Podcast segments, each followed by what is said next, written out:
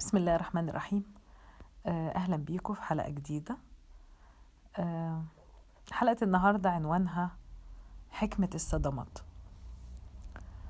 أكيد كلنا اتصدمنا في حاجات كتير وما زلنا ويبدو إن إحنا هنستمر كده لآخر يوم في عمرنا.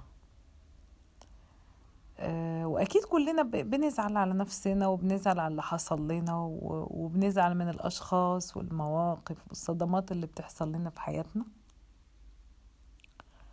وفي الآخر بنقول الحمد لله على كل حاجة وأكيد الحمد لله من قبل ومن بعد. آه العنوان هنا حكمة الصدمات معناه إنه في جانب تاني. الحقيقة من من أي صدمة أو أو خبرة سيئة مؤلمة بنشوفها. طبعا أكيد بيتبادر للذهن بسرعة فكرة إن هو ابتلاء من ربنا ورفع درجات وده أكيد يعني إن شاء الله. آه، أو إن الواحد يرجع عن طريق معين هو ماشي فيه. مما لا شك فيه إنه الخبرات المؤلمة في حياتنا أو ما يطلق عليه الصدمات هي درس مهم قوي في منهج الدنيا. وده أساسي ما ينفعش يتلغي الحقيقة.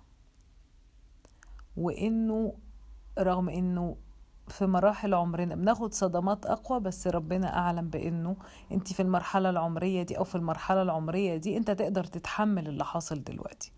لا يكلف الله نفسا إلا وسعها. فعليا يعني كل واحد مننا بياخد اللي يقدر عليه حتى لو حاسس إنه صعب وكذا وكذا لكن ربنا أعلم الابتلاء يروح فين والصدمة تروح لمين وإزاي. الحقيقة إحنا النهاردة الهدف من الحلقة ان إحنا نبتدي نفكر بشكل مختلف في الحاجات الوحشة اللي ممكن تحصل أو الصدمات ال- ال- اللي بتحصل وتحديدا اللي مرتبطة بتفاعلنا مع الآخر تفاعلنا مع الناس في الدنيا. انه حد يقول لك اتصدمت في قريب ليا وكذا وكذا أو اتصدمت في صديق عمر أو اتصدمت في ابني. ودي طبعا بتبقى موجعة جدا أو اتصدمت في مراتي عشرة عمر وكنت مش عارف بثق فيها وأهلها طيبين وحاجات كده. صدمات كتيرة ومستويات كتيرة جدا جدا من الصدمات. الجانب التاني ال- ال- اللي هو الوجه الآخر للصدمات هو اللي إحنا محتاجين بقى نتكلم فيه شوية. كلنا بنشتكي كلنا بنتأذي وكذا وكذا وبنتوجع وأحيانا البعض بيتجاوز وبيقول ليه يا رب اشمعنى أنا؟ وحاجات كده. لكن لو قعدنا بهدوء مع نفسنا. هسألكوا شوية أسئلة كده كل واحد يجاوبها مع نفسه يعني. هل أنت فعلا تستاهل اللي بيحصل لك ولا لأ؟ الحياة توزيع الصدمات إلى حد كبير في قدر هائل من العدالة. لما أنت تثق بشكل مفرط مع حد لا لازم هتتخبط ليه؟ لأن إحنا الطلب مننا الاعتدال في كل حاجة. الاعتدال ده بيتيح للشخص إنه يسيب جزء كده ان ممكن اللي قدامه يغدر في أي لحظة. طبعا ده مش معناه إنك إنك تفضل تستنى بس أو أو إنك تتوقع دايما الغدر. بس تتوقع إن الناس بتتغير. بلاش مصطلح الغدر ده قوي بس الناس ممكن تتغير. لسبب أو لآخر. في دعاء مطلوب نحرص عليه. اللهم ثبت قلبي على دينك. أنت بتطلب من ربنا إنه يثبتك لأنك أنت قلبك بيتقلب. فما بالك بغيرك.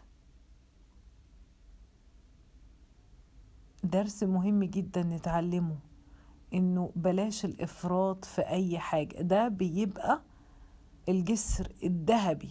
إن أمكن القول نقول كده. لنسبة كبيرة من الصدمات اللي فعلا فعلا بنتعرض لها في حياتنا. يعني إيه بقى؟ لما بتفرط في حاجة للأسف الشديد بيبقى في دماغك فكرة إنه لا يمكن اللي قدامي يتصرف بشكل تاني. بيبقى بي- بيغيب فيها المنطقية الحقيقة. لما بتفرط في حبك لحد بتفرط في تقديرك لحد أو ناس مثلا علماء بتفرط قوي في تقديرك فجأة ما بتبقاش متخيل إن حياتهم فيها جوانب تانية غير متوقعة. يعني بتبقى طول الوقت مش الإفراط في المشاعر بيعمل ده للأسف الشديد. في حاجة تانية الحقيقة ده بياخد جزء كبير من صدماتنا إن إحنا بنفرط في مشاعرنا بنفرط في ثقتنا. في جزء تاني مهم جدا واقف برضو ورا الصدمات دي. إن إحنا بنتجاهل مؤشرات بتبقى باينة كده ما بناخدش بالنا منها. أحيانا كلام يترمي قدامك أحيانا نظرات تبقى مبينة بشكل معين وأنت تتجاهلها وتعديها. لأ دي بتبقى مؤشرات إنه غالبا اللي قدامك ده هيعمل فيك موقف سيء. حتى لو من باب أحيانا التهريج بس دي محتاجة لقدر من الحكمة إنك إنك تلقط بسرعة المؤشرات اللي قدامك. محتاجة إنه إنه تشغل مخك.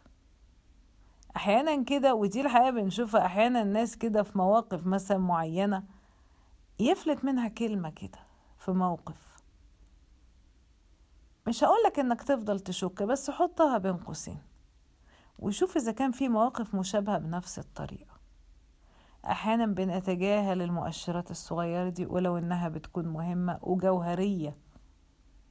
في الصدمة اللي انت هتحصل لك بعد كده. دي حاجات مهمة جدا. في بقى جزء الحقيقة يمكن نسبة كبيرة مننا بيخبيه أو أو بي أو يعني يعني بنغض الطرف عنه إن كان حقيقي ومهم في حياة ناس كتيرة.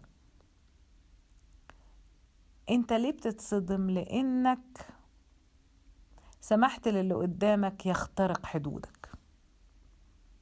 حطوها بقى تحت أي بند. يخترق حدودك تحت بند الصداقة تحت بند الحب تحت بند معرفش إيه. يعني حطوا لها أي عنوان.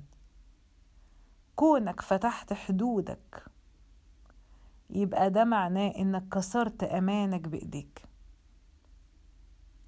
في مستويات كده لا يمكن تتفتح. لا يمكن لأي حد لأي حد في هذا الكوكب من البشر. كأنك بالظبط اديت للشخص يعني السكينة اللي فعلا زي ما بنقول يقدر يذبحك بيها. قلت معلومة خاصة عنك ممكن تضيعك. فهنا دايما يقولوا حتى إذا كان أنت صدرك مسعش سرك. فيعني ما تعاتبش على حد السر مش ممكن هيكون غالي عنده زي ما كان غالي عندك وأنت فرطت فيه. هنا انت اللي جبت الصدمة لنفسك بإيدك. في اللحظات اللي بيطلق عليها الفضفضة التنفيس مش كل ده كلام فارغ. لما كبرنا عرفنا إن ده كلام فارغ. مفيش حاجة اسمها كده. لما لما بتفضفض بتبقى حد انت آمن له واختبرته وجربته. مش مجرد الفضفضة. ممكن تقول كلام انتش واخد بالك ان ممكن يضيعك. وفي الحالة دي لما تتأذي ما تشتكيش. انت اللي عملت ده في نفسك مش الطرف التاني. الله الأعلم النفوس فيها إيه. الله الأعلم. فانت اديت له السلاح اللي هو أشهره في وشك انت. ففعلا ما تلومش إلا نفسك. لما بتفتح حدودك لما برضو تتقال حاجات لأشخاص أنت شايفهم كده لكن ما انتش ضامن لأنه قلة من الناس ممكن نعتبرهم من حافظي الأسرار. دي حاجة مش سهلة. إن حد يبقى جواه أسرار بني آدمين ممكن تضيعهم وإن هو يحافظ عليه مش أي حد. وممكن ناس تبقى بتمثل عليك في فترات علشان تاخد منك معلومات أهم تضيعك بيها. وفي الحالة دي الصدمة متوقعة جدا. كل دي دروس الخبرات المؤلمة بتديها لنا بتعلمنا نحمي حدودنا بتعلمنا إنه إنه ممكن حد قريب ليك قبل الغريب يصدمك. وقبل الصدمات دي الدين نفسه بيدينا قصص رهيبة. أول دم أهدر على الكوكب كان أخ لأخوه. جزء منه علشان توصيل رسالة واضحة إن الدنيا دي فعلا دنية. وإن جزء تاني إنه يعني مفيش داعي للإفراط في الثقة. دول أخين واحد فيهم قتل التاني. ما كانوش شخصين غرب. فما بالك بالعلاقات بقى الأبعد من كده. في حكمة إن أول دم كان أخ قتل أخوه. الحكاية المشهورة لسيدنا يوسف عليه السلام. وإخوات. علشان يقولك بلاش الإفراط في المشاعر مهما كان.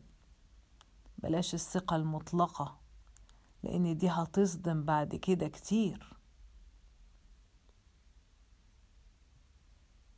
بعض زوجات الأنبياء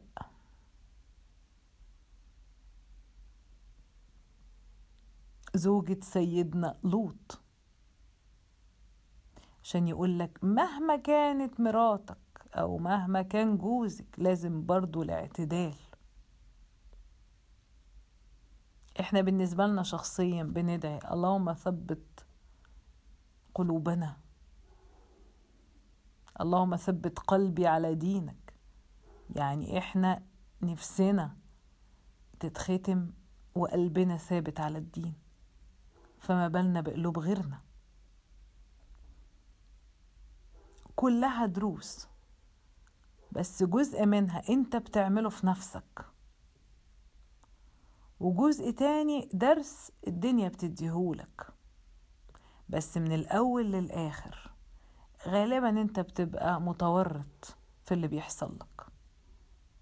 إحنا كتير بالأمانة الشديدة مسؤولين عن كتير قوي من الخبرات المؤلمة اللي حصلت لنا.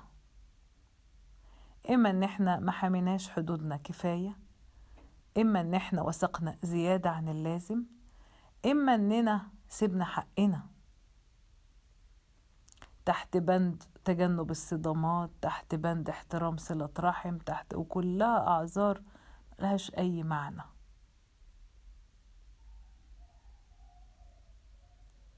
بإيدينا كل اللي حصل لنا ده. مش هقول كله لكن على الأقل معظمه. لما نقعد كده نفكر في الحاجات اللي بتحصل لنا هنعرف إن في حكمة ورا كل ده.